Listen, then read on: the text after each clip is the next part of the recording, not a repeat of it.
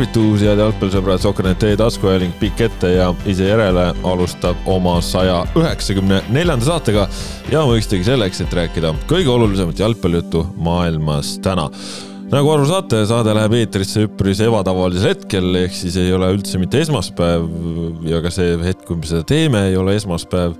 ei ole ilmselt isegi ka see päev, mil see eetrisse läheb, sellepärast et äh, praegu siin äh, meie jaoks on äh, laupäeva õhtu ja mõned vist juba nüüd võib öelda, no veel ei või, aga umbes circa paar tundi tagasi lõppes Eesti koondise aasta viimane matš, Eesti alistas Leedu kaks-null ja täna siis teemegi sellise ebatavalisemat sorti saate just põhjusel, et rääkida Eesti koondise jutud ära, enne kui siin läheb suureks MM-i madinaks ja, ja ütleme siis selle ka veel ära, et MM-i ajaks äh, pikk ette ja ise järele muutub siis äh, oma formaadilt äh, lühemaks, tuleb juurde ka video ja hakkab ta siis olema tihedamalt siin noh, suurusjärgus kolm saadet nädalas ja, ja on ta siis rohkem äh, selline intervjuupõhine, kus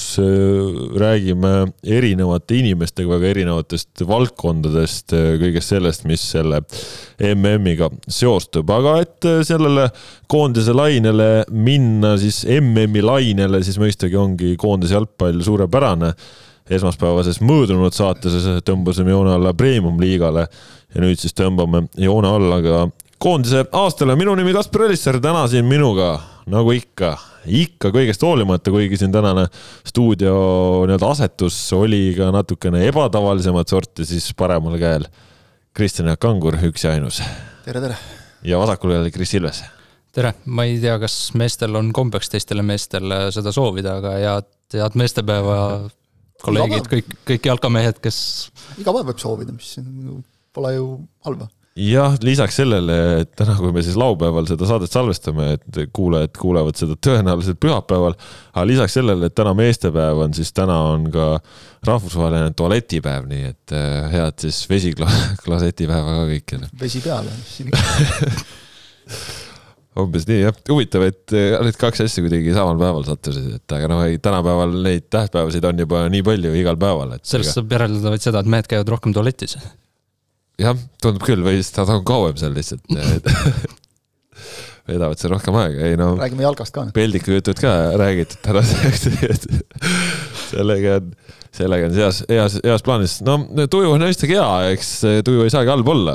Eesti koondis on nii värskelt võitnud ja, ja ma ausalt öeldes ei mäletagi praegu kas pikk ette järele ajaloos on meil olnud üldse nii vahetult pärast koondise mängu salvestust, et äh, ega vist ei ole? on olnud, eks ole, komandeeringutes nagu enne koondise mängu yeah., aga siis ikka enne mängu nagu alati olnud, või siis ütleme, järgmisel hommikul äärmisel juhul on vahel olnud enne lendu, aga aga jah, niimoodi, et nii värskelt kohe nagu peale nii pole olnud tõesti ja see on äh, ainulaadne võimalus ka, pole varem ka koondismäng kell neli päeval alanud, et äh, üpris selline tore tore liigutus. kui sa nagu vaatad, kui valge oli, siis nagu ikkagi kell üheksa oleks alustanud, selles mõttes ei olnud vahet nagu eriti kui ma praegu hakkasin mõtlema, kas äkki äh, suvises koondisaknas oli, kui me Otiga olime kohapeal, siis kuskilt äkki tegime mängupäeva järel.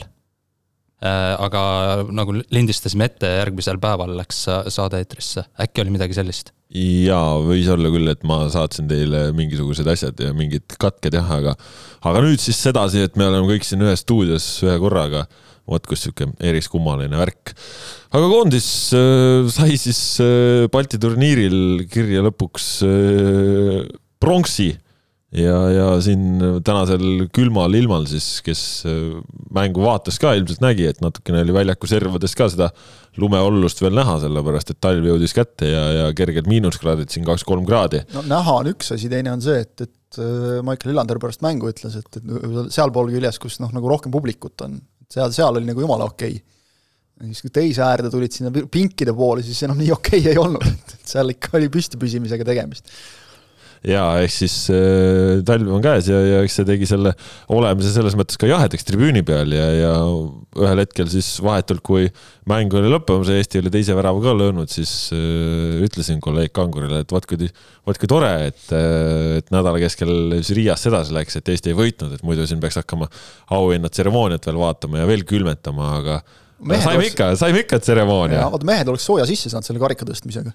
ja et praegu nüüd oli. see on ju mingi kaks tonni umbes või palju see kaalub. ja, aga nüüd ikkagi tseremoonia oli ja sihukest asja pole ka varem näinud äh, Balti turniiril, et kolm Balti riiki on, pronksil ka anti medalid anti medalid välja, aga näed, leedukad jäid üldse veel selja taha, Island siis võitis selle suurejoonelise Balti turniiri, aga. karikat neile ei anta, eks ole ju Nendele antakse ase, asenduskarikas ja et seda suurt. šokolaadist medal ja mine koju tagasi. ja et seda, seda suurt mitmeid kümneid kiloseid kaaluvat julakat ei anta jah aga.... no seal peaks mõni mees lennukist maha jääma tõenäoliselt, siis kui selle nagu neile kaasa sokutad, et ei saa enam tagasi nagu normaalselt, see kaalub ju tõesti palju, aga jah jääb aga... Eestile selles mõttes siis võib vist öelda või? jah, selles mõttes küll jah, et Eestist ei tohiks seda siis ju keegi idee poolest ära viia, kuigi ma arvan, et ta Äh, Läti potentsiaalse võidu puhul ikkagi oli. äh, Lätis kohapeal, sest ta oli, et oli Riias seal ja, ja ilmselt ta sinna jäeti, aga aga noh, idee poolest siis võiks ta ju Tallinnasse tagasi tuua jah et.... kuigi nojah, vaata Lätis hoida nagu on kõige loogilisem, et see on nagu, mäletad, Pohlak oli kunagi meistrikarikaga oli Sillamäe ja Narva vahel ja ootas, kummale poole sõitma hakata piltlikult öeldes. oli küll jah, sihuke, sihuke moment, aga ei, siin kena loba on ja, ja, ja eks see tähendab ainult seda, et järelikult on tõesti tuju hea ja emotsioonid ülevad, aga no kuidas te siis vaatate sellele asjale tagasi, et Balti turniir koondise nädal äh,, Riia mäng äh, oli selles mõttes siis äh, kummaline, et, et tõesti mängupilt oli väga hea, aga, aga väravaid lõime täpselt sama palju kui lätlased, kes tegid mängu jooksul kokku kolm pealelööki raamide vahele, mis oli üpris kasin näitaja. Eestil raamide vahel läks vist seitse lööki ja kokku oli üheksateist pealelööki. üheksateist. Eesti koondisel. ja, ja, ja. millal me lõime viimati nagu niimoodi? ja penaltid ei olnud sisse arvestatud siin. ei, ma, ma saan aru no vot, need ei läinud raami ka kõik, aga jah, noh, pronks, noh, nagu see, noh, pronksmedalid, eks ole, see kolmas koht, noh, nagu see kaotus Lätile, see nagu rikub ära selle asja, aga noh, mänguliselt olid mõlemad mängud olid ju väga okei okay,, ma ütleks. ma ikka kasutaks nagu sõna, et nagu väga okei okay., et noh, me võime küll rääkida, et nagu umbes Lätit ja Leedut me nagu peakski tampima, et noh, nad on meist ikkagi FIFA tabelis tagapool, seal mitukümmend või isegi kolmkümmend kohta ja rohkem, aga elu on nagu näidanud, et on, kus on, et, et ega nagu nii kergelt ei tule nende vastu, et seal on ka mängumehi ja, ja ma ütleks nagu mänguliselt just see võimaluste loomine, noh nagu niisugune nimetaks seda kohati isegi nagu lustakaks mänguks, et, et nagu mängu nautimine ikkagi selgelt noh, nii nagu Toomas Häberli ütles enne mänge ka, et, et mis see eesmärk on, et, et tahaks ju, tahaks mängida, tahaks rünnata, tahaks palliga mängida. et hoida üleval seda, mille me ju tegelikult Malta ja, ja San Marino mängudest saime ütles nüüd siis selle Leedu mängu järel Sergei Zenjov, et küsisin, et noh, vahepeal nagu ei olnud mängurõõmu. Zenjov mõtles hetke, ütles, et noh, mängurõõm nagu, et noh, võidurõõmu küll ei olnud jah, et, et see esiteks, aga teiseks see ka, et, et äh, meil siin olid ju valiksarjas Belgiad ja kõik need, et okei okay,, noh, seal ka rünnati ja tehti, aga aga suur osa ikkagi oli nagu see, et, et sa istud kaitses ja noh, siis hea, kui saad kontrasse, eks ole ja, ja võib-olla kuidagi siin nagu enne seda veel seal Rahvuste Liigas, eks ole, mille tõttu me üldse sinna noh, nagu sinna Küprose mängudele langesime ja, ja siis siis selle kaudu D-divisjoni üldse kukkusime, et, et seal, seal nagu oli seda mängurõõmu nagu veel vähem. et, et seal, seal nagu natuke oli noh, niisugust sunnitööd nagu ja ei, ei klikkinud need asjad kuidagi. et nüüd saadi nagu, nagu mäng jooksma jälle ja noh, saad nagu aru, et meeskond naudib seda ka, mida nad väljakul teevad, mitte nad lihtsalt ei tee tööd, mis on ka oluline teinekord aga nad naudivad. ja noh, ilus vaadata. muidugi, mis nagu mõlema mängu puhul oluliseks võtmesõnaks jääb, on see, et, et ära tuleb ka lüüa. Lätis maksis see kätte meile Leedu vastu, noh, halvemal päeval oleks võinud ka maksta tegelikult et see oli, seis oli vist kas null-null, kui latt kolises või, või oli üks null-null, eks ole veel, no vot, et, et sealt noh, leedukatel oli, teise poole alguses oli mingeid variante täiesti, oleks sealt ära löönud ja, ja olekski olnud hapu jälle natukene see asi, et, et esimesel poolajal ikka raiskasime päris palju. aga noh, jällegi nagu saab parandada, aga alati nagu vist iga treener ütleb, et hullem on see, kui võimalusi ei teki. paremal päeval ju Leedu vastu oleks võinud no ilmselt ka Läti vastu ma seda mängu nii põhjalikult ei näinud, aga, aga Leedu vastu ma oleks võinud vabalt ju viis-null võita. esimesel pool just need tsenderdused, head, head senderdused olid, erinevad mehed neid andsid, Dunjovi täpne tsenderduse jalg oli meeldiv üllatus äh, mulle vähemalt. Äh, aga just äh, näiteks Sorga üksinda juba jättis kaks löömata, Sinjavskil oli võimalus Peetsonil endal. Peetson küll lõpuks lõi ära, aga lõi kallastel, ala. kallastel jah, et. Sappelinil. ja, ja need olid sellised, et need, need ei läinud ju raami. Nad läksid kas napilt või natuke selgemalt läksid raamidest mööda. ehk et Leedu väravvaht ju põhimõtteliselt korralikult proovile ei pandudki, kui välja arvata see see Zenjovile ootamatult sülle tulnud üks-üks olukord, kus ta proovis üle väravaid tõsta ja seal, seal siis äh, Leedu väravaht äh, sai käed vahele. ja ühe korra esimesel poolel ka, kui Zappinen kuidagi pööras ja, ja proovis lõpuks mingi välisküljega lükata kuskilt jalge vahelt seda. seal oli ka vaja nagu käsi ette panna lihtsalt rohkem, aga Läti, Lätiga jah, oli nüüd see, et noh, ka esimeses pooleks nagu kolm-null, et sinuga tribüünil vaatasime just nagu vist mitu korda vahetasime seda mõtet, et et, et kurat, kui siit ära ei löö, siis läheb hapuks ja no täpselt nii läkski, nagu tihti juhtub et tuli esimese poole lõpus üks vastu ja, ja oligi kõik, kõik nagu selles mõttes. teine poolaeg ju tegelikult oli Eesti poolt Lätis nagu selline isegi ma ütleks kontrollima. et esimesel poolajal võib-olla noh, oli nagu sellist silmale haaravat, vaadatavat mängu nagu natuke rohkem söödumängu, teisel poolel Läti istus veidikene madalamal, ruumi oli selle võrra vähem seal Kostja Vassiljevil, Mattias Käidil.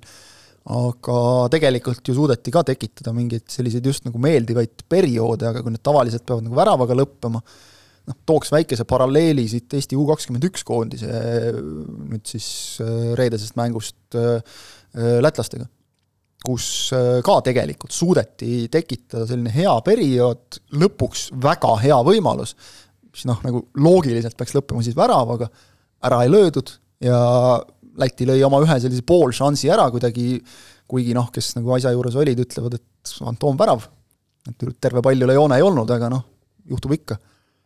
ja, ja oligi null-üks, et noh, vot see nagu kuidagi paistab silma, et, et võimaluste loomises Eesti nii A-koondis kui noortekoondis, heal päeval noortekoondis pannud Leedule viis-üks, eks ole, noh, seal leedukad ise aitasid ka natuke kaasa aga, aga kui sa jätad löömata, siis ikkagi suht suur tõenäosus on ja, ja ega see Leedu Eesti-Leedu U kakskümmend üks mäng ju tegelikult ka ei olnud nagu mängupildilt viis-üks mäng. ta oli tasavägisem mäng, et noh, sa pead nagu oma võimalused ära kasutama ja siin ei saa isegi seda öelda, et noh, et meil näiteks Zappinen, eks ole, ei saa klubis mängida väga, on nagu ebakindel natukene.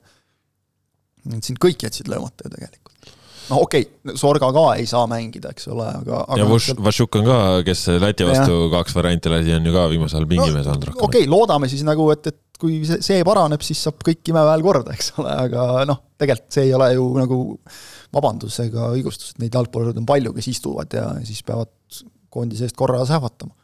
aga see on ju selles mõttes, kuna me suudame võimalusi luua, siis see võimaluste mitterealiseerimine on äh, no see on probleem, aga see ei ole suur probleem, arvestades seda, et kui palju me neid võimalusi ja. suutsime luua.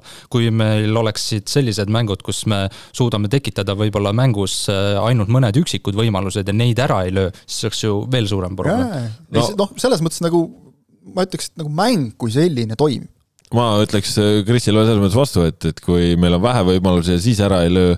siis see on veel suurem probleem ju no jaa, ma ütleks, et võib-olla teistpidi, et kui sa nagu loogiliselt mõtled, et kui sul on rohkem võimalusi ja sa nendest ka ei löö, et siis sa ju raiskad veel rohkem, et, et kuidas no, sa, kui sa rohkemate võimalustega raiskad, et kuidas siis vähemate võimalustega saaksid ära lüüa, et kokkuvõttes ma ütleks seda, et kui sa lööd vastasest vähem väravaid või sama palju väravaid, siis igal juhul on see probleem. ma ütleks kokkuvõttes lööge pall väravasse aga seda, kui sul on rohkem võimalusi ja sa ühe neist ära raiskad, siis tead, kuna sa suudad tekitada võimalusi, tead, et sa teed veel mingi võimaluse. aga kui sul on vähe võimalusi mängus, siis sa ei tea, et neid võimalusi veel tuleb muidugi mängus kunagi ei tea, kas sul tulevad need võimalused või mitte, et jalgpalli selline selline eripära, et, et võib. väga filosoofiliseks läks. võid arvata küll, no ega uus aasta tuleb üldse meil uus valiktsükkel ja seal on vastased võib-olla sellised, et seal ei ole meil Lätit või Leedut kellegagi. seal on natukene jälle ikkagi see, mis siin äh, taas Zenjovi tsiteerides, et noh, eelmises valiktsüklis, et tead, et mängu jooksul kaks korda saad jooksu ja kaks kontrat ja ühe neist pead ära lööma, kui tahad midagi saavutada no,. samas, äh, kui juba mõtlemegi järgmisele valiksarjale ette,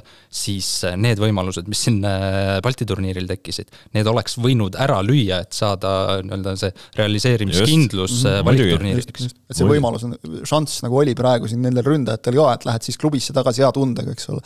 praegu jääb ikkagi nagu ütleme, Zappinenil ilmselt kripeldama, et, et noh no., ei löönud no selle aasta pealt vaadates, äh, kes on meid tassinud sealt mudaliigast ka välja, siis üks Henri Anier oli puudu, et. Äh, aga nii oligi Anier lõi, ma ei ütleks, et tal nüüd siin Rahvuste Liigas nagu palju võimalusi oli tegelikult, ta realiseeris neid hästi lihtsalt jaa, aga no muidugi Sergei Zenjovi tuleb äh, kiita selles mõttes, et äh, mõlemas mängus pooleteist minutiga värav kirjas, nii palju kui ta väljakul on olnud, et et töökiire korralik, et äh, Serks ja. vägevalt pani. Muidugi jah, see Riias see penalti ajal seal ütles ka siis, et äh, arvas, et väravat läheb sinnapoole, läheb küll teisele poole, aga kui jääb samale poole, et siis on vaja igaks juhuks täiesti nii nurka lüüa kui vähegi võimalik ja tugevalt. no pani mööda jah. no tööõnnetus jah mis seal ikka. muidugi. peab muidugi ütlema, ma ütleks, ütleks, et nagu lätlaste penaltid olid paremad kui eestlaste omad. no olid ja nendel väravat oli ka, oli ka parem, väravat tassis seal. võib-olla peaks ikka teinekord veits harjutama ka enne, äkki. ideaalis nagu on muidugi see, et, et noh, sellised vennad peaks kinni silmi lööma neid, eks ole, et mis sa seal nagu liigselt punnitad, aga no, no ühe, ühe trenni lõpus võib ju teha. Noh. mulle meeldis kõige rohkem Karol Metsa penalti. Mõnes mõttes nagu kindla peale, aga mõnes kuidas mõttes kuidas see sisse läks, kuidas see sisse läks, ma ei ole siiamaani aru saanud. Väravat tegi seal mingi väga kummalise liigutuse ja oleks peaaegu nagu ma ei tea, tallaga tõrjunud. see oli kogenud mehe tunnus, kes, keskele tuleb lüüa, läks siis lööma madalalt ja no lõigi nii madalalt, et väravat hüppas üle palli ja oli olemas, ei, see oli nojah, üldiselt ega nüüd penaltiseerias Eesti koondisel kipub olema, et, et väga seal rõõmu pole olnud, et äh, Balti turniirid on ka, ei ole esimene kord, kus Lätis. see oli äh, kaheksa aastat tagasi vist oli see, kui no aeg lendab ju ruttu. seal, seal oli muide Mets üks, kes ära ei löönud, nii et selles mõttes sai nagu nüüd plussi, plussi või noh, nulli jälle ütleme nagu. sai nulli, jah. plussikirj no aga kui me vaatame kokkuvõttes veel nagu sellise laiema pildiga selle Balti turniiri peale, no nägime äh, et Eesti suudab äh, palliga mängida, nägime, et suudab võimalusi tekitada, nägime, et oleme hädas võimaluste realiseerimisega.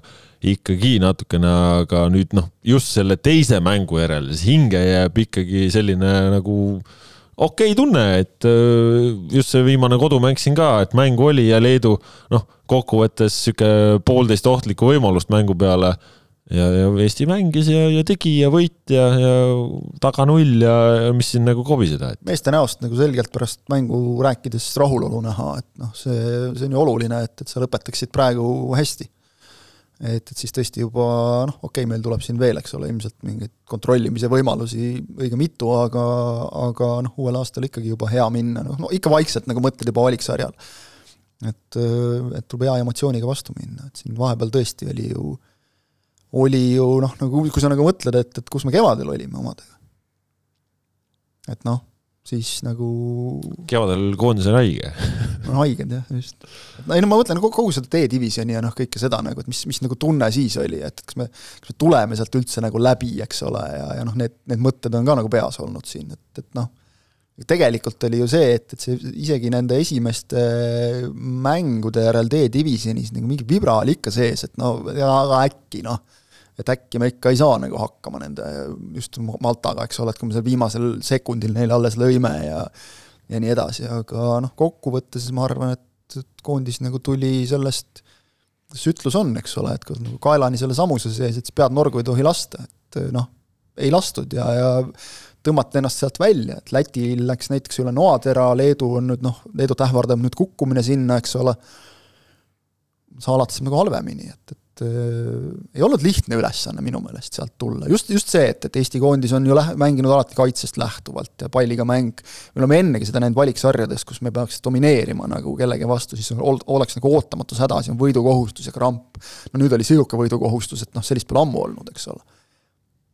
Sats tuli välja sellest kui äh, esimese mängu eel oli üpris selge, kuidas Eesti mängib ja kellega Eesti mängib, sest Äberli on siin korduvalt öelnud ja ütleme noh, tegelikult täpsemalt sai see selgeks siis septembrikuises koondise aknas San Marinos, kus, kus ta siis ütleski selle välja, et tema arust peavadki kogu aeg mängima kõik kõige paremad mehed ja, ja noh, see on arusaadav, sellepärast et tema ülesanne on võita, tema ülesanne on Eestiga tulemust teha ja noh tema asi ei, ei olegi siin, et ma proovin kedagi, kes viie aasta pärast võib-olla võiks olla oluline. tema jaoks on oluline praegune hetk, praegu teha tulemust, mängida meestega, kellega on võimalik seda teha ja, ja noh, temaga siis tuleb sellisest kultuurilisest ruumist, kus äh, koondis on püha asi ja koondises peavad mängima parimad, mitte et sa Alturaga annad kellelegi võimaluse ja siis äh, pärast ta juba ise mõtleb ka, näe, ma olin juba koondises ja siis hakkab juba mõtlema, mida ja mida ühtepidi ja teistpidi, aga tegelikult ta ei ole veel sel tasemelgi, et äh, hästi lühidalt, koondis ei ole katsetamise koht just, tema silmis. koondis on tulemuse tegemise koht, kus peavad mängima need, kes on näidanud, et nad on selleks võimelised, siis klubis või, või, või või siis varem koondises või, kuidas iganes, aga, aga nüüd siis äh, selle Leedu mängu eel, noh, ütles küll, et ta palju vahetusi ei tee, paar, ütles ta siis ja, ja tegelikult ega väga palju ei, ei ennustanud ka ise neid sinna. ja kui Kris siis ikkagi mängueelsel pressikonverentsil läks äh, seda teemat ka puudutama, et noh, karika peale ju enam ei mängi, et kas kas võiks anda veel siin proovida või katsetada, noh siis Kris sai, sai sellesama vastuse, mis, mis Häverli on andnud, et küsis sult vist, miks jah, et. jaa, aga no ma eeldasingi, et äh, pärast seda vastust, et, et ta ei, ta ei muuda väga koosseisu ja sellest lähtuvalt ka ennustasime äkki kaks, kaks muudatust. Äh, üks läks täppi, aga nagu ma ka luup peale ülevaates kirjutasin, siis tegelikult Äberli üllatas positiivselt. tegi, tegi rohkem muudatusi, meeldiv üllatus, kaks meeldivat üllatust oli, jah, kui ma mõtlen nüüd kiiresti tänasele mängule, äh, esiteks Peetson ma ütleks lausa kolm üllatust. kolm isegi jah. Peetson äh, karjääri neljas koondise mäng, äh, nüüd debüütvärav. Shane algkoosseisus kindlasti oli meeldiv üllatus ja, ja kes see siis kolmas oli? Maicel Lillander. Lillander jah, muidugi jah, jah kolm sellist. et, et Sorga ja, ja Soomets, need selles mõttes mingisugused siuksed üllatused või, või avansi andmised ei, ei olnud seda võis isegi nagu aimata tegelikult, et, et nii võib, võib nagu minna. nojah, seda, seda võis jah nagu mingit pidi aimata, aga ütleme ongi, et kui, kui Häberli ongi öelnud, et alati mängivad kõik kõige paremad vennad, siis see, et Käit ei mänginud algkoosseisus, siis no, see oli natuke uutmoodi. jah, et noh, Käit ju ideaalis kõik loogika ütleb, et ta on praegu Eesti koondise üks parematest mängijatest ja Äberli loogika järgi ta ju peaks siis algkoosseisus olema, aga, aga ei olnud jah, ja, ja, ja noh, kokkuvõttes siis või nagu noh, ma ei tea, kas seda peab juba nüüd hakkama kokku võtma, aga, aga, aga selle nurga alt ma ütlen no,, ma olin nagu üllatunud ikkagi. ma olin nagu üllatunud, et kogu selle retoorika pealt me nägime nii palju muudatusi ja, ja nüüd mõte ainult see, et kust need tulid. natuke üllatavam on nagu ütleme noh, see retoorika, mitte see, et, et sellised otsused tehti kahest mängust koosnevad noh, no ikkagi nagu ka ütleme siis noh, pooleli nagu sõprusmängud peaaegu, et on jah, Balti karikas mängus, aga noh, me teame nagu seda, et ei ole väga palju variante proovida ja katsetada ja kui sa seal lähed nüüd sellesse jaanuarikuisesse laagrisse, eks ole, siis noh, sa võid seal kontrollmänge pidada, aga sul on seal tõenäoliselt on pool kui mitte rohkem nagu põhisatsi puudu, eks ole, et, et sealt väga paljud põhimehed ilmselt jäävad eemale, et noh, see ei ole see nagu jälle, et sa pead ju testima niimoodi, et ega ei katsetata tavaliselt nii, et, et umbes noh, siis võiks sama hästi juba panna U kakskümmend üks koondise väljakule, et noh, vaatame, kuidas hakkama saavad. et ikkagi nagu see on segu alati, see katsetamine kogenud meestest ja, ja noorematest meestest, nii nagu ta Leedu vastu oligi tegelikult. ja, ja noh, seda juttu on nagu hästi palju olnud, eks ole, et umbes miks noored ei saa võimalust ja kõik see, noh, et meil on erediviisi mees, kes, kes nagu nüüd ei saanud Läti vastu minutitki miks see, miks see vanameister Vassiljev mängis jälle üheksakümmend? ma, ma, ma, tohin, ma ütlen ühe repliigi vahele.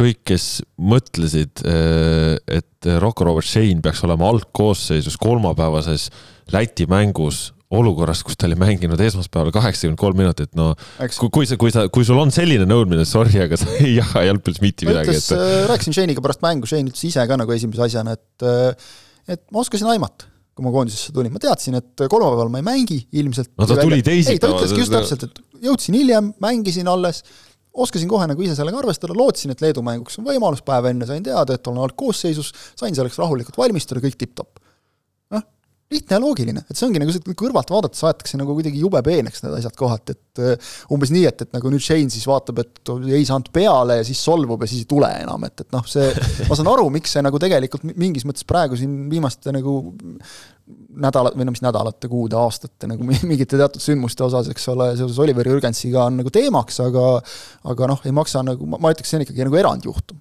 Et kui sa nagu vaatad neid vendi, kes on meil siin koondises käinud ka ja on istunud ja oodanud oma võimalust, noh, ma ei tea, Tuni Ohver ei ole võib-olla kõige parem näide, sest noh, ta sai nagu peale ka, eks ole, Karel Voolaidi käe all. vahepeal ei saanud kaks aastat kutset, nutma ei jäänud kuskilt, mees tegi tööd edasi rahulikult. Need on professionaalid ka, need noored mängijad, eriti need, kes on veel välismaal kuskil ka. Nad ei mõtle selles kategoorias umbes, et, et nüüd ma ei tea, olen treeneri peale solvunud või midagi niisugust noh, ma ei usu, et Frank Liivak on nagu treeneri peal nüüd hullult solvunud, et ta sai tõesti Lätis seal, eks ole, nagu ainult öö, öö, lõpus minutiks peale, ta oleks ilmselt olnud, eks ole, viies penaltilööja. mitte ilmselt, vaid sada protsenti. sada protsenti, sest ta selleks toodi, eks ole. no sa ei tea sada protsenti. ma tean, ma küsisin ta käest okay.. küsisin, Frank, kas ennegi on juhtunud imelikke asju, aga okei okay,, see selleks, ta tuli, eks ole, sai mingi minut aega seal joosta ja lõpuks noh, nagu lüüa penaltit lüüa ei saanudki, eks ole, sest enne seda oli kõik läbi juba no no ta oli ju tegelikult, tal oli nädal aega varem oli klubihooaeg lõppenud ka, et ta ei olnud ju ta oli õnnelik koondise kutse üle, ta on rahul, et ta on ringis, treener arvestab temaga, eks usaldab, sest et sa ei saada pennalt lööma venda, keda sa ei usalda. ma usun, et tema jaoks on kõik tipp-topp, noh, kas oleks tahtnud mängida, muidugi oleks tahtnud mängida, kes kõik, ei taha mängida, kõik, kõik tahavad mängida. samamoodi ütles Senjov ka, et, et äh, ütles, et nooremad peavad peale tulema, nõus, ma olen nõus, peavadki tulema, aga las tulevad, las võtavad meilt koha ära et me tahame ka mängida, me tunnetame praegu seda, et oot-oot-oot, noored tulevad, et meil polegi enam palju jäänud. seda väga nagu mõnusalt avameelselt Senjov rääkis seda ja kirjeldas. et meil pole enam palju jäänud, me paneme ka su-, juurde selle arvelt ju. Vassiljev paneb ka selle ühe protsendi, mis tal veel kuskilt võtta on, võib-olla juurde, eks ole, kui ta näeb, et tema positsioonile tuleb noori mehi järjest peale. sisemine konkurents arendab, seda ei ole vaja nagu nii traagiliselt võtta minu meelest ja kui vaat-, vaatame, siis tegelikult see koondise aken ju Häberli kutsus äh, kakskümmend neli mängijat ja nendest kahes mängus äh, peale said äh, kakskümmend mängijat. kes rohkem, kes vähem, aga kakskümmend mängijat, neli mängijat ei saanud mänguaega. kaks väravvahti, Igonen ja Valner, kaks keskkaitsjat, Sepik ja Vaher.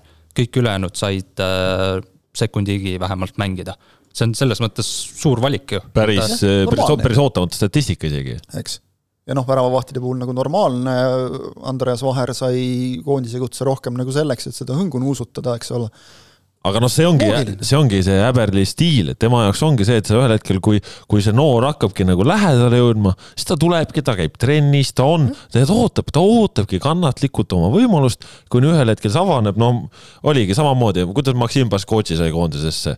koondises oli koroona jama, oli vaja tuua, tuli, sai ootamatult võimaluse, kasutas ära, mängib. Andreas Vaher U19 koondise kapten, mängis septembris U19 koondises suurepäraselt, aitas seal äh, eliitringist läbi tulla, sai nüüd kutse U21 koondisesse. anti kui võimalus, kasutas ühe mänguga selle ära, järgmine päev kutse A-koondisesse, noh muidugi, eks seal natukene juba teada arvestada, et kuna Joonas Tamm ei saa tulla ja võib-olla läheks trenni ühte keskkaitset juurde vaja, noh, see selleks, on ju, aga, aga lihtsalt see ongi, et see käibki sammudega. sama asi Martin Vetkaliga, eks ole, ka täpselt, U üheksateist äh, eest korralik turniir, põhimees, igapäevaselt korralikul tasemel treenid, ei ole nagu väga suurt juttu ka teinud sellest, kui küsida, et kuule, et esindusmeeskonnaga oled ka trenni saanud teha, see on muide väga paljudega, kes, kes välismaal kuskil mängivad. et esindusmeeskonna juurde ka oled saanud, ikka mõned korrad olen saanud, jah, sellest ei tehta nagu suurt numbrit, et see on, see on väga kõva, eks ole, aga see ei ole nagu mingi saavutus, see on tööprotsessi osa lihtsalt just, või täpselt samamoodi nagu okei okay,, et siin eh, noh, Eestis on varemgi on nõutud eh, kunagi, et eh, Hendrik Ojamaad ruttu vaja koondisesse, Taavi County mees. ja mäletad, kuidas siis, kui Ojamaa sai koondisesse, kuidas siis hakati tampima, sest selgus, et tegu ei olegi Messi või Maradona uue tulemisega, eks ole, et noh, nagu tekitatakse endale e-, ise mingisugune jabur ootus, et nüüd tuleb mingi päästja või lunastaja kuskilt, eks ole. ja siis, kui selgub, et, et mees on nagu väga korralik jalgpallur lihtsalt siis, siis hakatakse järsku jaurama, et, et mõttetu mees. ja või, või siis seesama asi oli Georgi Dunjoviga, et oh, ta mängib seerias, et kuidas meil seeria tasemega venda ei ole, noh tuli, mängis, noh mängiski nagu okeilt, on ju, mitte midagi erilist ja nüüd, kui ta siin andis meile äh, sel sügisel intervjuu päris põhjaliku, kus ta lahkas ja ta ütles, et ta, ta ei olnudki valmis tegelikult sel ajal nagu ka selleks tasemeks. ta ütles ka praegu räägib temaga mingist sellest, ta ütleb, et vot Serie A kõik see oli nagu äge, et aga see on minevik, noh, et ma teen praegu tööd. ja nagu see oli avanss, ta ka möönis seda. ise, mees ise ütles, see oli avanss, eks ole, väga hindan seda avanssi, aga see oli avanss nagu selgelt, see näitab, et mõistus on peas, jalad on maas seda ütlevad, ma arvan, sulle ka Vetkal ja Vaher, kui sa lähed nende käest küsima, et, et praegu nagu A-koondisega treenimine, selge avanss, Vaher, Vetkal tähendab, ütles, ütles väga hästi nagu selle kohta ka, kui jälle temaga sai natuke räägitud, ütles, et et, see lihtsalt näitab, et treenerid arvestavad minuga, see annab motti juurde, ongi kogu muusika samamoodi nagu annab see, kui, kui Roomast teda kutsutakse, eks ole, aeg-ajalt esindusmeeskonna trenni, noh ka nii-öelda nagu kohta täitma, enamasti see on sellest tingitud, et kas on mingid vigastused, mingid mured, keegi on kuskil ka koondistega ära, eks ole, et äh, nii see käib lihtsalt, et noh, küll need noored jõuavad sinna koondisesse ja ja samal ajal meil on üks vend, kes no ei kõlba ka U kakskümmend ühte tulla, noh. no vot, jah. kui sul ei kõlba tulla U kakskümmend ühte, siis, siis no. nii on lihtsalt, et see on väga kahju mul siiralt kahju sellest, sest et meil ei ole liiga palju mängijaid, keda nagu siin niimoodi segada, aga mis, mismoodi selline mängija mõjub äh, U kakskümmend üks, kui ta näiteks tuleb lõpuks sinna kuidagi pika hambaga, nagu U kakskümmend üks koondise sisekliimale. mis muide olevat praegu väga hea ja kusjuures, äh, kusjuures kui Jürgens oleks, oleks tulnud äh, U kakskümmend ühte, siis see Leedu mäng viis-üks lõppes, see oleks olnud ju suurepärane võimalus ennast näidata mm., silma jääda ja miks mitte no pigem mitte Vaherile sarnaselt kohe A-koondisesse, aga, aga kindlasti see oli suur võimalus silma jääda. aga võib-olla järgmine kord? võib-olla järgmine kord juba, eks ole, kui sa oled seal näidanud ennast, et okei okay,, see on see vend, kelle ma nagu väikse linnukese teen juurde, et siit juba kannatab nagu võtta. praegu näitas ennast seal näiteks Aleksandr Šapovalov paari väravaga. valikute küsimus. jah, valikute küsimus äh, iseenesest äh, vaatame veel, noh, ongi ettepoole, et Sergei Zenjov on ju, ja siin, ja siin tema puhul ka tegelikult Äberl nüüd ise ka mängu järel väga kenasti siis äh, viitas asjadele, mis me tegelikult ka ju eelmisel aastal nägime, et eelmisel aastal, kui Äberli tuli, Zenjov ei saanud võimalust, Zenjov järsku esimest korda põhimõtteliselt koondise karjääri jooksul, ta ei saanud peale Balti, aitab... Balti turniiris ta ju selles mõttes, ta on nagu võitjana kirjas, aga ta ei mänginud minutitki seal. just, et, et, ta ei olnud, ta ei olnud selles rotatsioonis sees ja, ja täna või noh, ütleme siis jah ja,, et laupäeval äh, Äberl ütles päris ausalt ise ka, et et äh, ta tegi liiga, ta tegi liiga, ta oli liiga karm Zenjoviga et Zenjov ei andnudki talle mänguaega, sest ta oli öelnud talle, et kuule, mees, sa ei löö väravaid, vaata, et mis, mis värk on, onju, aga aga vend nüüd lööb ja, ja noh, Häber ütles siis kenasti, et Sergei Zenjov on kui punane vein, läheb ajaga aina paremaks, et. ongi, täpselt, Zenjov nägi ka, et ei hakanud nagu põdema, et, et nüüd olen koondisest maha kantud. tegi tööd, nägi vaeva, ise ütles nüüd ka, et, et ega ta nagu Flora hooaega täielikult rahule ei jää, aga noh, mängis ikkagi olulist rolli meistriks tulekul alati saab paremini ja, ja noh, täpselt see, et nägi ka, et okei okay,, noored tulevad, pean natuke juurde panema, et sellest ei ole vaja teha nagu mingit hullu, hullu draamat, et minu jaoks on nagu selles mõttes on positiivne, et me üldse nagu saame rääkida mingitest noortest, kes siin võiks nagu praegu juba tulla. ja, ja noh, ütleme siis mitte jalaga ust lahti lüüa, aga nagu ukse vahelt vaikselt sisse pressida. vahepeal minu meelest meil oli ikkagi niisugune seis, kus, kus nagu noh, oligi see tiku tulekoitsi taga, et kes nüüd seda või teist positsiooni väljakul täidaks praegu on oluliselt paremini ja, ja kui sa vaatad nagu meie noortekoondiseid, kus nagu mängitakse mööda ilma laiali, et, et siis ma nagu ei, ma ei näe nagu, et miks ta hullemaks peaks minema. tegelikult, nagu ma näen nagu selgelt, see võtab aega nüüd, aga et noh, nagu küll, küll saavad need noored peale ka, seesama, see U kakskümmend üks näiteks, see on see kaks tuhat kolm, tegelikult meie U kakskümmend üks juba ei ole mitte kahe tuhande teise aasta vanuse käigule üles ehitatud, vaid pigem kahe tuhande kolmandale noh, sest pluss mõned kaks tuhat neli juures. nulli kaks vanus ei ole lihtsalt ka nii. jaa, just, ei no see ongi lihtsalt, see on paratamatu Eesti puhul, eks ole, et kaks tuhat kolm on ju see, eks ole, see punt kuldne põlvkond. jah, noh, kuldne põlvkond jah. ärme, ärme hakkame, kuldsed põlvkonnad, need panevad lati alt läbi alati räigelt. inglastel, belglastel, ma ei tea, kellel kõigil veel siis läheb kohe pekki kõik. aga et, et see on, see on jah, see on see hea seltskond, eks ole, kes sai hästi palju koos teha, kes mõistab üksteist hästi, kuidagi nagu tundub, et on ka sellised sobivad isiksused kokku sattunud. et noh, anname aega, küll sealt tuleb, et kui sa nüüd hakkad suruma praegu nagu mingeid vendi, kes mängivad siin premium-liiga tagumises pooles või, või, või siis, siis, siis kuskil välismaal noh, suuresti nagu ka noortesatsides, hakkad nagu vägisi A-koondisesse litsuma, et, et siis ongi see, et mehed ei ole valmis. see võib mõne lukku panna hoopis, et ma, ma nagu ei näe, et, et miks, miks see peaks nagu probleem olema, et kui ta, kui ta on piisavalt hea, siis ta saab oma võimaluse ja, ja, ja noh, praegu nüüd saidki siis äh, viimases mängus võimaluse äh, Lillander, Peetson, Shane, äh, ütleme siis algkoosseisus Shane'il esimene kord, Lillander sai nüüd ka üle hulga ja, ja vähe korralikuma võimaluse ja, ja Peetson siis sel aastal teist korda algkoosseisus väljakul.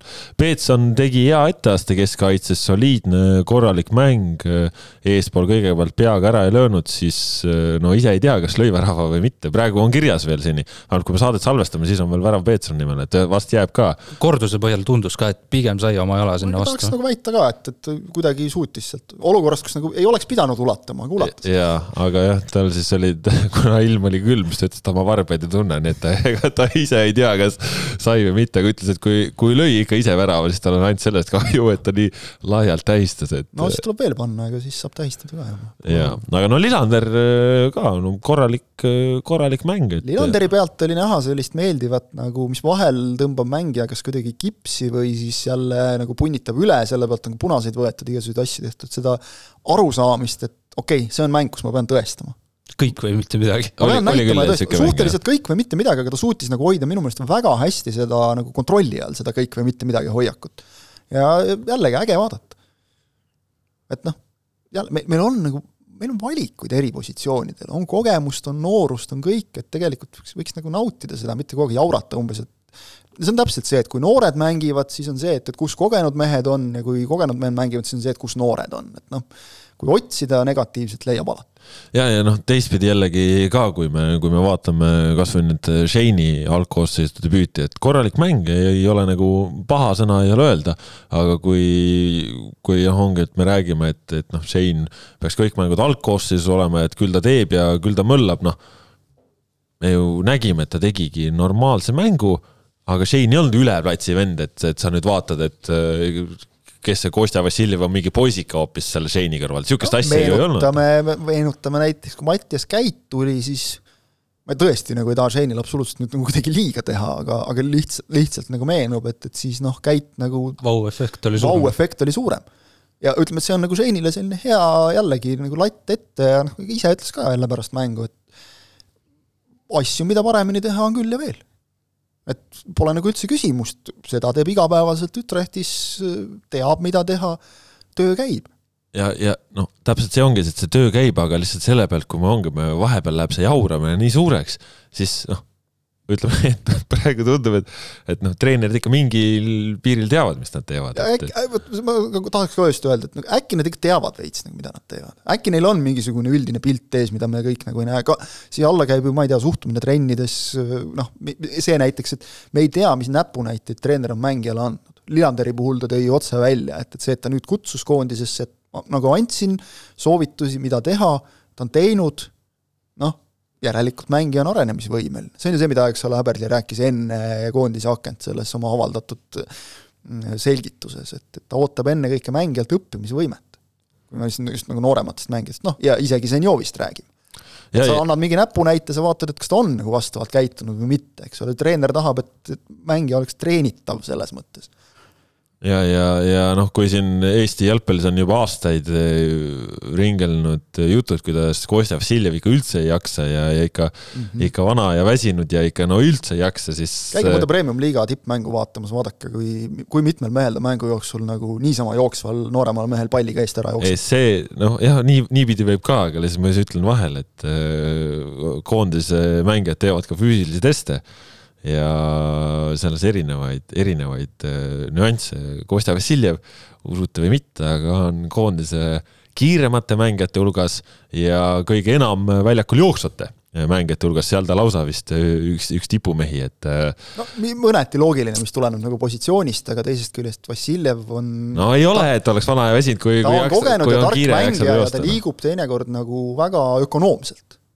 aga see ongi tema trump see ongi tema trump, et ta liigub õigel ajal õigesse kohta, mitte ei jookse noh, nagu parem targalt seista kui lollilt joosta, ütles klassik juba, eks. aga noh, selgub ka, et ta ikkagi jookseb. ei, aga ta jookseb nagu ka, aga ta just nimelt, ta jooksebki targalt, et noh, mõni mees on selline, kes, ma ei mõtle konkreetselt praegu mitte kedagi Eesti koondisest, kes nagu hullult rabeleb mööda platsi ringi, mõni jalgpallur, ja siis tunned, hirmus palju tegi ära. no Erik Sorga näiteks tegelikult, kes on, kes on oma okay, niisugust stiililt, vaata, et ja. ta tundub, et ja, nagu just, kogu aeg positiivse näitena nagu tõesti, et, et hirmus niisugune heegeldis kogu aeg, eks ole, ja eks ta ole ka et noh, selle pealt, okei okay,, praegu tal ei ole parimad ajad, ega, aga selle pealt ta nagu siin kunagi on ju tegusid teinud ka.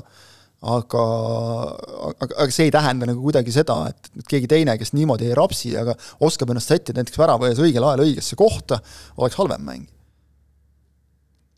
absoluutselt, jah. no muidugi, mis Kostjat puudutab, siis noh, see, kuidas ta väljakut näeb, tunnetab, kuidas ta momente loob. no ja, ja ma tooks ühe näite. siin ei ole küsimust, ta on Eesti parimate jalgpallurite hulgas ja noh, Toomas Häberli on korduvalt öelnud, et Kostja Vassiljev on Eesti koondise kõige olulisem mängija. top, top kolme praegu selle aasta parimate mängijate hulka ei mahtunud. nojah, seal ei hääletanud ka Toomas Häberli, nii et no et noh, et Eesti praegu, kui siin hakkad parimat valima, siis selline top viis kokku panna, nii et põhimõtteliselt vist ei tee kellelegi väga palju liiga, kui paned ta esimeseks või viiendaks, ükskõik kumb. siis, siis see on nagu suhteliselt haruldane, et muidu meil on nagu vähe teistmoodi olnud, ma arvan, seal top viies on ta küll kindlasti sees no aga... Kostja, Kostjaga on ju ka see, et lihtsalt standard on äh, nii, nii ja, kõrged, et selles mõttes, et kui, kui see vend on teinud sellise karjääri, et siis äh, noh no, sa oled karjunud, et ta panebki liigas, paneb äh, kahekohalise arve väravaid ja sööte, see on normaalne. ja et ta ongi koondises kõige ohtlikum vend ja see on normaalne, kui ta teeb nagu seda, siis see ongi nagu normaalne. viis-kuus mängu ei ole risti löönud, siis on see, et mis asja võta kokku ennast, et hea näide on nagu see Läti mäng, et jah, tõesti, ta umbes kuuekümnendast minutist noh, osaliselt nagu arvestades, milline see mäng oli, nagu mängu iseloomu, noh, ei olnud nii pildis enam. lõi seal kaks karistuslööki müüri ja, ja noh, ei olnud nagu nii särav. kes on see mees, kes üheksakümmend pluss kolm mängu umbes viimase löögiga paneb ristnurgast ülinapilt üle, vähe jäi puudu, et oleks sisse läinud, see on Kostja Vassiljev. teised, noh, ma julgen öelda, et peaaegu, et ei ole teist sellist meest, kes selleks võimeline oleks ja kui, kui, kui äh, Leedu koondise mängueelsel pressikonverentsil küsisin äh, nende peatreenerilt siis äh, Eesti koondise kohta ja, ja mis te arvate, kelle ta sealt välja tõi? kolm no. korda võite pakkuda nagu, et mis see vastus on olnud viimased mingi, ka, ka ütleme, viimased kaks-kolm aastat nagu,. ja kõik treenerid saavad seda. kõik treenerid, kõik treenerid ja see ei ole nagu see, et umbes see on mängija, keda ma tean, vaid sa saad nagu aru no,. Nad ju analüüsivad. Nad analüüsivad, et see on selge nagu, et see, see on mees, kes mõjutab mänge küll ta nüüd ei maksa nüüd muretseda, et ega ta viiekümnenda eluaastani ka ei mängi, et küll ta ühel hetkel ära lõpetab teda teab muidugi jah, aga meditsiin areneb ka. jah, just, et, et, et võib-olla paneb veel hea mitu aastat, eks küll ta ühel hetkel ikka ära lõpetab, nagu küll siis tõuseb keegi asemele, et ei maksa seda trummi on pekstud vist mingi kümme aastat juba umbes, et kui Kostja nüüd lõpetab millalgi, et mis siis saab? enam väga ei, vist ei ole muret ka, kuna ongi need seinid ja, ja asjad on sinna keskväljale tõusnud, et see annab nagu natuke lootust, et ei no jaa, aga just nagu surutakse nagu vägisi see, et, et nüüd Sein peab nagu mängima Kostja asemel, Dunjov peab mängima, ma ei tea, kelle asemel seal, no ei pea. mängivad.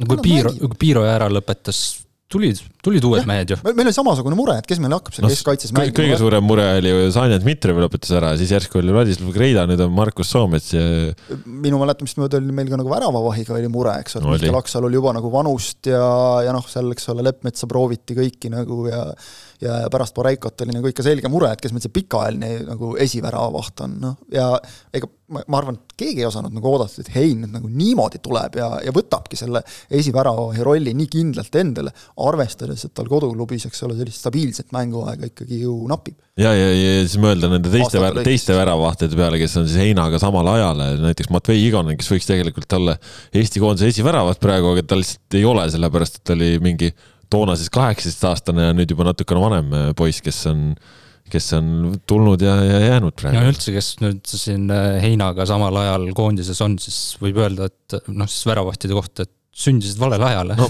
Valneril praegu samamoodi on ju, et käib koondises, on juba siin paar aastat koondislane olnud, aga no ei ole debüüti, no ei ole lihtsalt noh. no vast saab seal aasta alguses äkki. no ei tea, ei pruugi saada et äh, jaa, aga noh, selles mõttes, et, et eks see, eks see jalgpall on selline, et äh, loodus tühja kohta ei salli ja nii need asjad lähevad, aga kui me nüüd. aga endiselt ma arvan, mitte ükski neist meestest ei käi nii-öelda rusikas taskus nagu, et, et kuradi häberli ei võta mind koondisesse, et, et noh, või ei lase peale, et, et see on nagu noh, no seal ei mõelda nii, et ei ole vaja nagu sellest suurt numbrit teha minu meelest. jaa, kui me nüüd vaatame siin natuke laiemalt ka veel sellele koondise aastale tagasi, siis no Kris, mis sa ütled? Statistika vist on tegelikult nagu täitsa kena või? no statistika on see, et kümme mängu mängisime, võiduprotsent viiskümmend protsenti ehk et äh, pooled võitnud. oli seal siis äh, kolm viiki, kui ma arvestan selle Läti mängu ikkagi viigiks. ja, ja kaks kaotust Argentiinale ja, ja Küprosele. aga just need Küprose mängud, need olid ju aasta alguses, sealt me kukkusime D-divisjoni, selle põhjal äh, ei saa ju seda aastat korda läinuks lugeda. Okei okay,, me tõusime sealt nüüd küll välja, aga see, et me sinna kukkusime.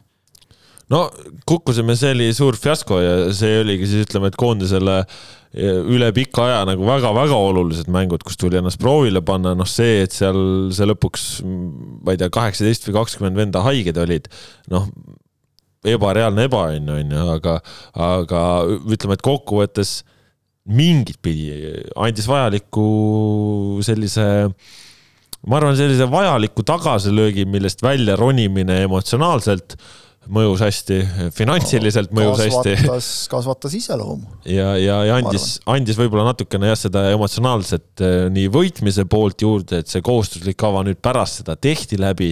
ja, ja ma mingit pidi ütleks, et Eesti koondis nüüd aasta lõpuks on tugevam ja, ja paremas seisus, kui ta oli aasta alguses, kuigi tegelikult Säberli esimene aasta oli ju väga ilus ja seal ette ei olnud väga midagi heita, et kõik tulid väga lootusrikkalt, et paneme selle Küprose ka ära ja kõik läheb hästi. aga, aga ma arvan, et see kuidagi kasvatas äh, seda võistkonda äh, terviklikumaks kompotiks, see on minu sisetunne. ma olen ka nõus, ma praegu nüüd mõtlen, et tegelikult ma võtaks selle aasta, mis nüüd praegu koondisel oli, võtaks enne vastu kui selle, et nad oleks Küprosest jagu saanud ja siis sealt C-divisjonis kõik mängud äh, täiega kotti saanud ja D-divisjoni langenud. aga, aga praegu saadi ju see emotsionaalne foon pigem saadi nagu äh, üles, pluss veel see, et mängiti ju korralik, mängi-, mängiti küll endast nõrgemate vastu, aga saadi palliga mängida, nagu me saate alguses rääkisime, et tekitati võimalusi, kõik on positiivne.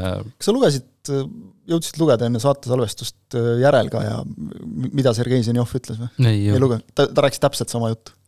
Et täiesti kümnesse praegu, nagu, ta rääkis täpselt sama juttu, et äh, mine tea, mis seal Küprose vastu oleks tulnud, et me saime praegu noh, nagu just enesekindlust, palliga mängimist, võidurõõmu, kõike seda, eks ole, et seda oli vaja praegu ilmselt koondisele. Ja jah, nagu tobe on nagu öelda, et, et parem D-divisjonis, eks ole, seal San Marinot peksta, kui, kui C-divisjonis tugevamate vastastega mängida, aga ärme seda nüüd ka unustame, et me saame nagu valiksarjas noh, okei okay,, me võime siin rääkida meie lootustest saada kuskile EM-ile ja MM-ile ja mida iganes, mis nagu siis eeldaks ka, et et me lähme nagu järjest kõrgemasse loosipotti, ehk siis saame sealt nagu rohkem ka selliseid võidetavaid vastaseid.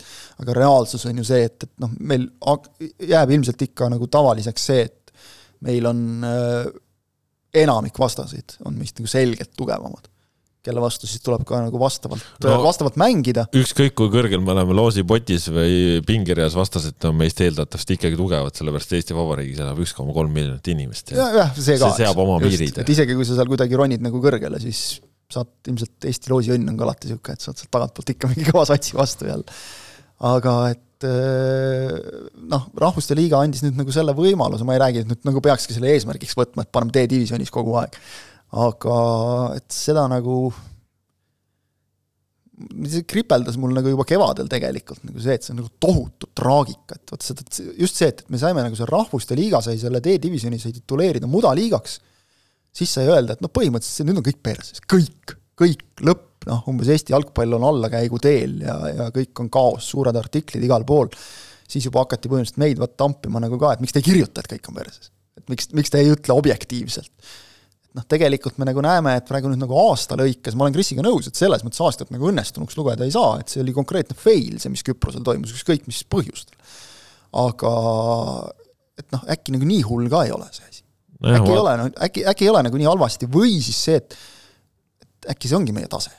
No et teist... no, see, see jutt, ma, ma olen nõus nagu, et see EM-ile jõudmise jutt aastate, kümnete pikkuste tulemuste kontekstis, noh unistused peavadki nagu olema, või latt peabki olema kõrgele seatud, muidu ei ole nagu mõtet nagu madalate eesmärkide poole pürgida, aga minu meelest see teeb väikese karuteene Eesti jalkale nagu. aga samas sul nüüd äh, uuel aastal algavas valikgrupis see peab ju eesmärk olema. ei, see peabki eesmärk olema jah, aga ma lihtsalt ütlen, et seda noh, nagu et mis mu eesmärk suures plaanis on, on see, et Eesti jalgpall oleks ühel hetkel esindatud finaalturniiril, noh tore, õige, aga et kui sa nagu kogu aeg sellest kalendriaasta kaugusele jääd, eks ole, valiksarjas jah, tulebki nagu selline eesmärk kogu aeg ei jää kalendriaasta kaugusele, me jõudsime ükskord no, play-off'i, ise mäletan, ise nägin.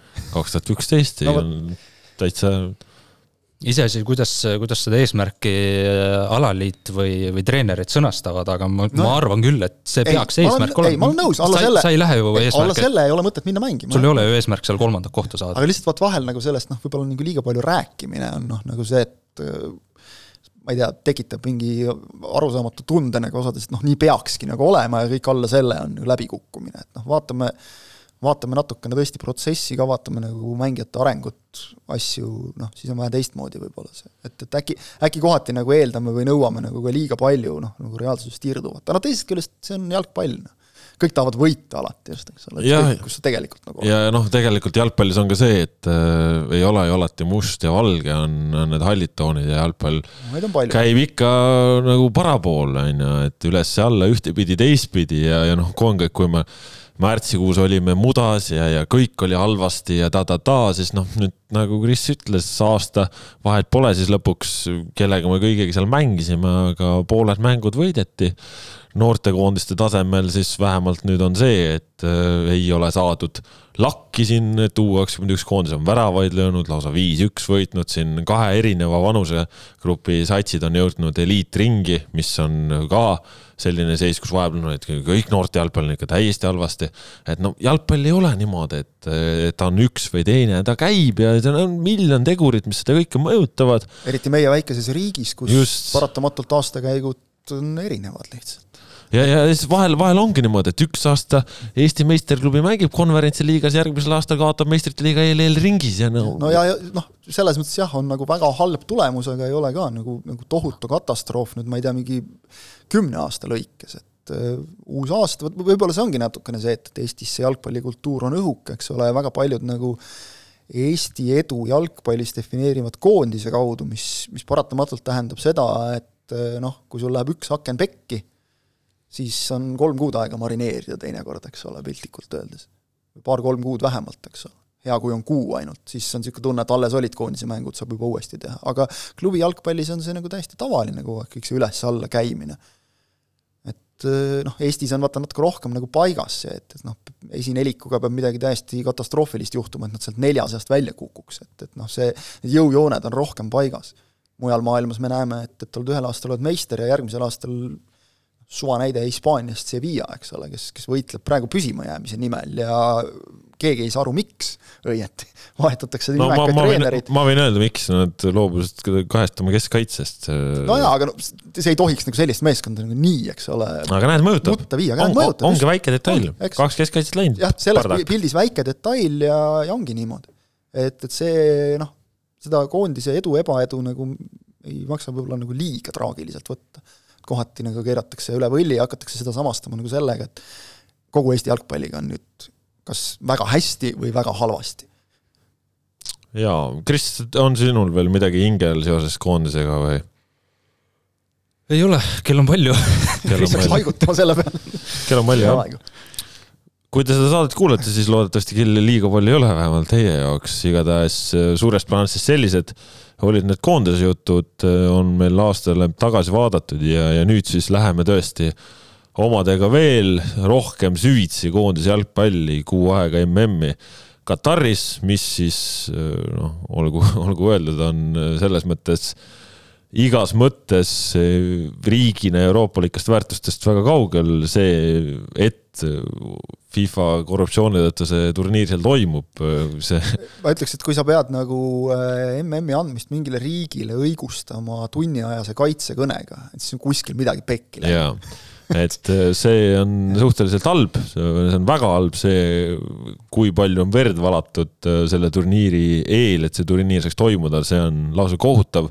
ja noh, moraalselt, eetilisest äh, vaatenurgast siin on nii, nii palju asju valesti. no ütleme, kõik, mis valesti saab olla, põhimõtteliselt kõik on ka, et et... ja et kui meile nagu tundus, et, et ma ei tea, olümpia Hiinas või, või siis jalgpalli mm Venemaal on nagu moraalselt ütleme viisakalt öeldes küsitavad ja, ja otse öeldes noh, mis meil oli see sõnapaar, moraalsed värdjad, eks ole, et noh, sedasorti nagu lüke, siis Katariga on kuidagi imekombel suudetud veel paremaks panna jutumärkides, et noh, loodame, et on viimane selline.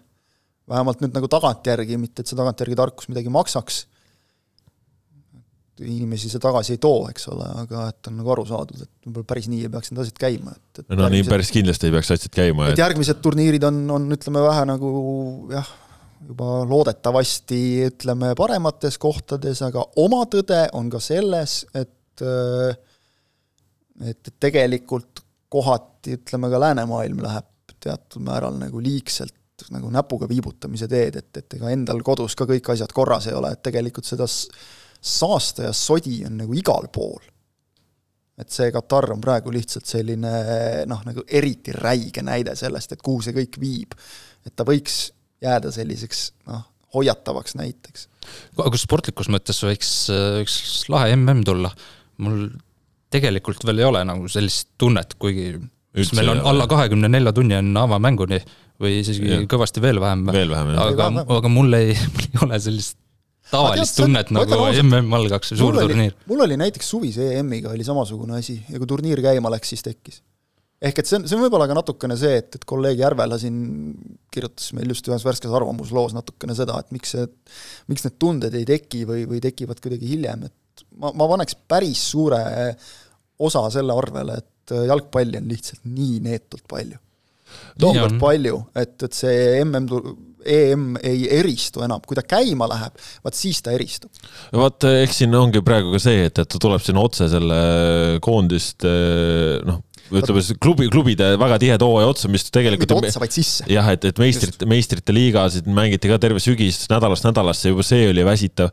et kui ta suvel on, siis seal on see väike paus korraks, jõuavad ma, mai, mai keskel jõuavad liigad läbi saada ja siis juunis algab, aga, aga. pluss jällegi kolleeg Järvelat nagu tsiteerides, et äh, siis nad on just täpselt nagu sa ütlesid, need on läbi saanud praegu on kõik pooleli, meistrite liigas kõik lahtine, liigades kõik lahtine, küsimused on üleval, nüüd pead nagu järsku häälestama ennast kuuks ajaks hoopis teisele lainele.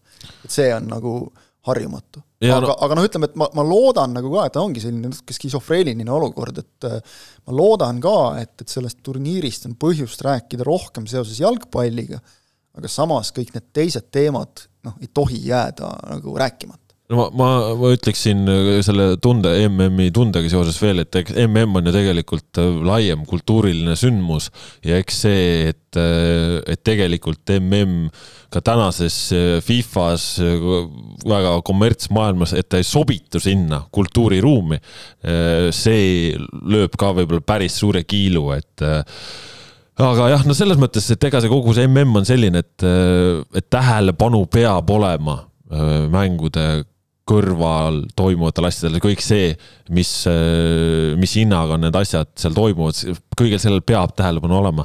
aga, aga ma ütlekski seda, et et lõpuks noh, kui siin on osa inimest, et jaa, et nad ühelgi juhul ei vaata MM-i ja neid on päris palju hästi erinevatest äh, valdkondadest ja eks need põhjused on arusaadavad, mõistetavad, aga nagu ma ise tunnetan sedasi, et ütleme, äh, see sportlane, see Lionel Messi või, või praegu siis väga bravuurikas Cristiano Ronaldo nemad ei ole selles süüdi, et mm, nende viimane selline suurvõistlus toimub Kataris, nemad ei ja. ole selles süüdi ja, ja nemad tahavad ikkagi saada seda meistritiitlit maailmameistriks, tahavad tulla, sportlased tahavad tulla, ehk siis see sporti ei tohi ka nagu või noh, minu arust oleks, oleks väär sporti ära unustada, sest mis asi on jalgpalli maailmameistrivõistlused, kui sa spordile ei keskendu, et see, see kõik, see kogu see Katariga ja FIFA korruptsioon ja see on rõve, see on jälk, see on lubamatu, kui siin tsiteerida kolleeg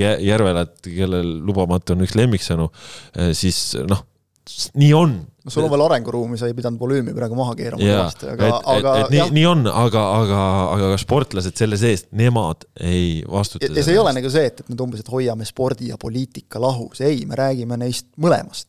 see ei tähenda nende lahus hoidmist nagu tingimata ja noh, jah, ei, ei tahaks nagu sellist MM-i aga, aga nagu no, jällegi olen nõus, olen nõus ka nendega. rohkem ei taha, jah. jah, olen, olen nagu nõus ka nendega, kes ütlevad, et äh, teha nägu, nagu seda ei oleks, seda ei toimuks, nagu selles mõttes boikoteerida.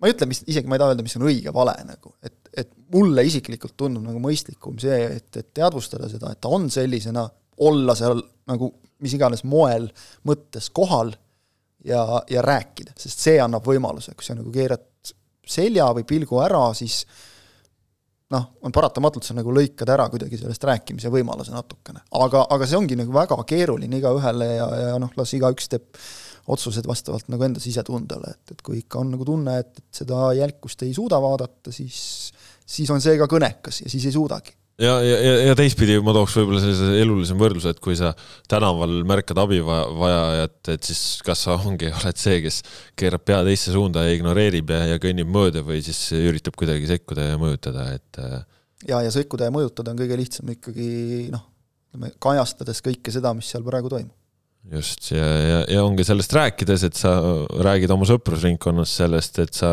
räägid inimestega, see noh, kõige, ma ei tea, olulisem lõpuks on ju see, et äh, maailmas inimesed saaksid aru, et äh, inimelul on väärtus, et Ela, inimelu. lase teistel elada. ei, ei ole, ei ole jah, et noh ühesõnaga läheb siin lõpuks morbiidseks see koondiste jutt, igatahes mm algab ja ja eks siis MM-i kõike, mis seal toimub nii ühel kui teisel rindel saate Sokkernetist jälgida.